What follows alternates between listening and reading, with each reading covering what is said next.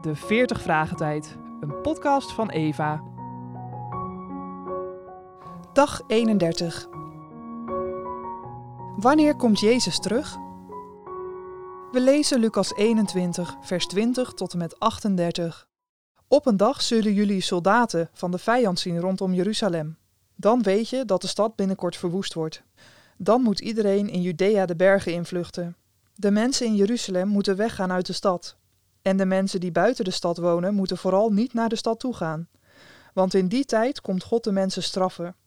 Alles wat in de heilige boeken staat, zal dan gebeuren. Het zal een ramp zijn voor de vrouwen die zwanger zijn of een baby hebben, want er zal grote ellende komen over het land. De mensen die er wonen zullen zwaar gestraft worden. Ze zullen door soldaten gedood worden, of als gevangenen naar de andere landen gebracht worden. De ongelovigen zullen Jeruzalem binnengaan en de stad verwoesten. Maar uiteindelijk zal God een eind maken aan hun macht.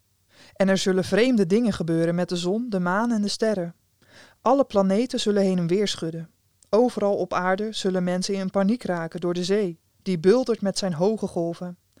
Mensen zullen sterven van angst. Zo bang zijn ze voor wat er met de wereld gaat gebeuren.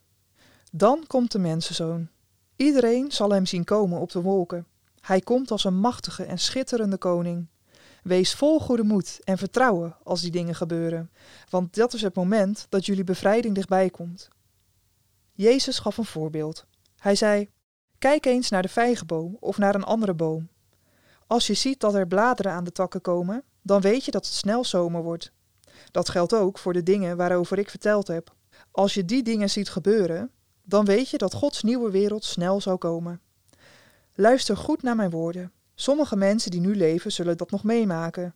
De hemel zal verdwijnen en de aarde zal verdwijnen, maar mijn woorden zullen niet verdwijnen. Daarna zei Jezus: Let heel goed op. Op een dag komt de mensenzoon. Plotseling zal hij op aarde zijn. Overal zullen mensen verrast worden. Zorg dat je daarvoor voorbereid bent. Laat je niet afleiden door feesten of drank, en ook niet door dagelijkse problemen. Laat je niet verrassen als de mensenzoon plotseling komt. Let heel goed op en blijf steeds bidden.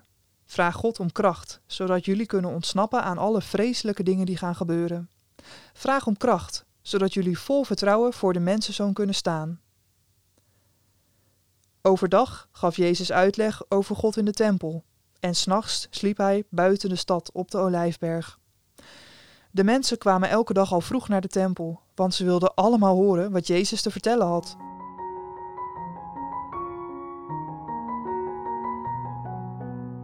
Wanneer komt Jezus terug?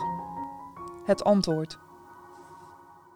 Nu kondigt Jezus heel concreet enkele verschrikkingen aan die bij de aanstaande val van Jeruzalem zouden plaatsvinden. De ondergang van stad en tempel heeft veertig jaar later door toedoen van de Romeinse bezetter inderdaad plaatsgevonden. Laten zij die God liefhebben dan tijdig een goed heenkomen zoeken, waarschuwt Jezus. Want het zouden dagen van wraak zijn.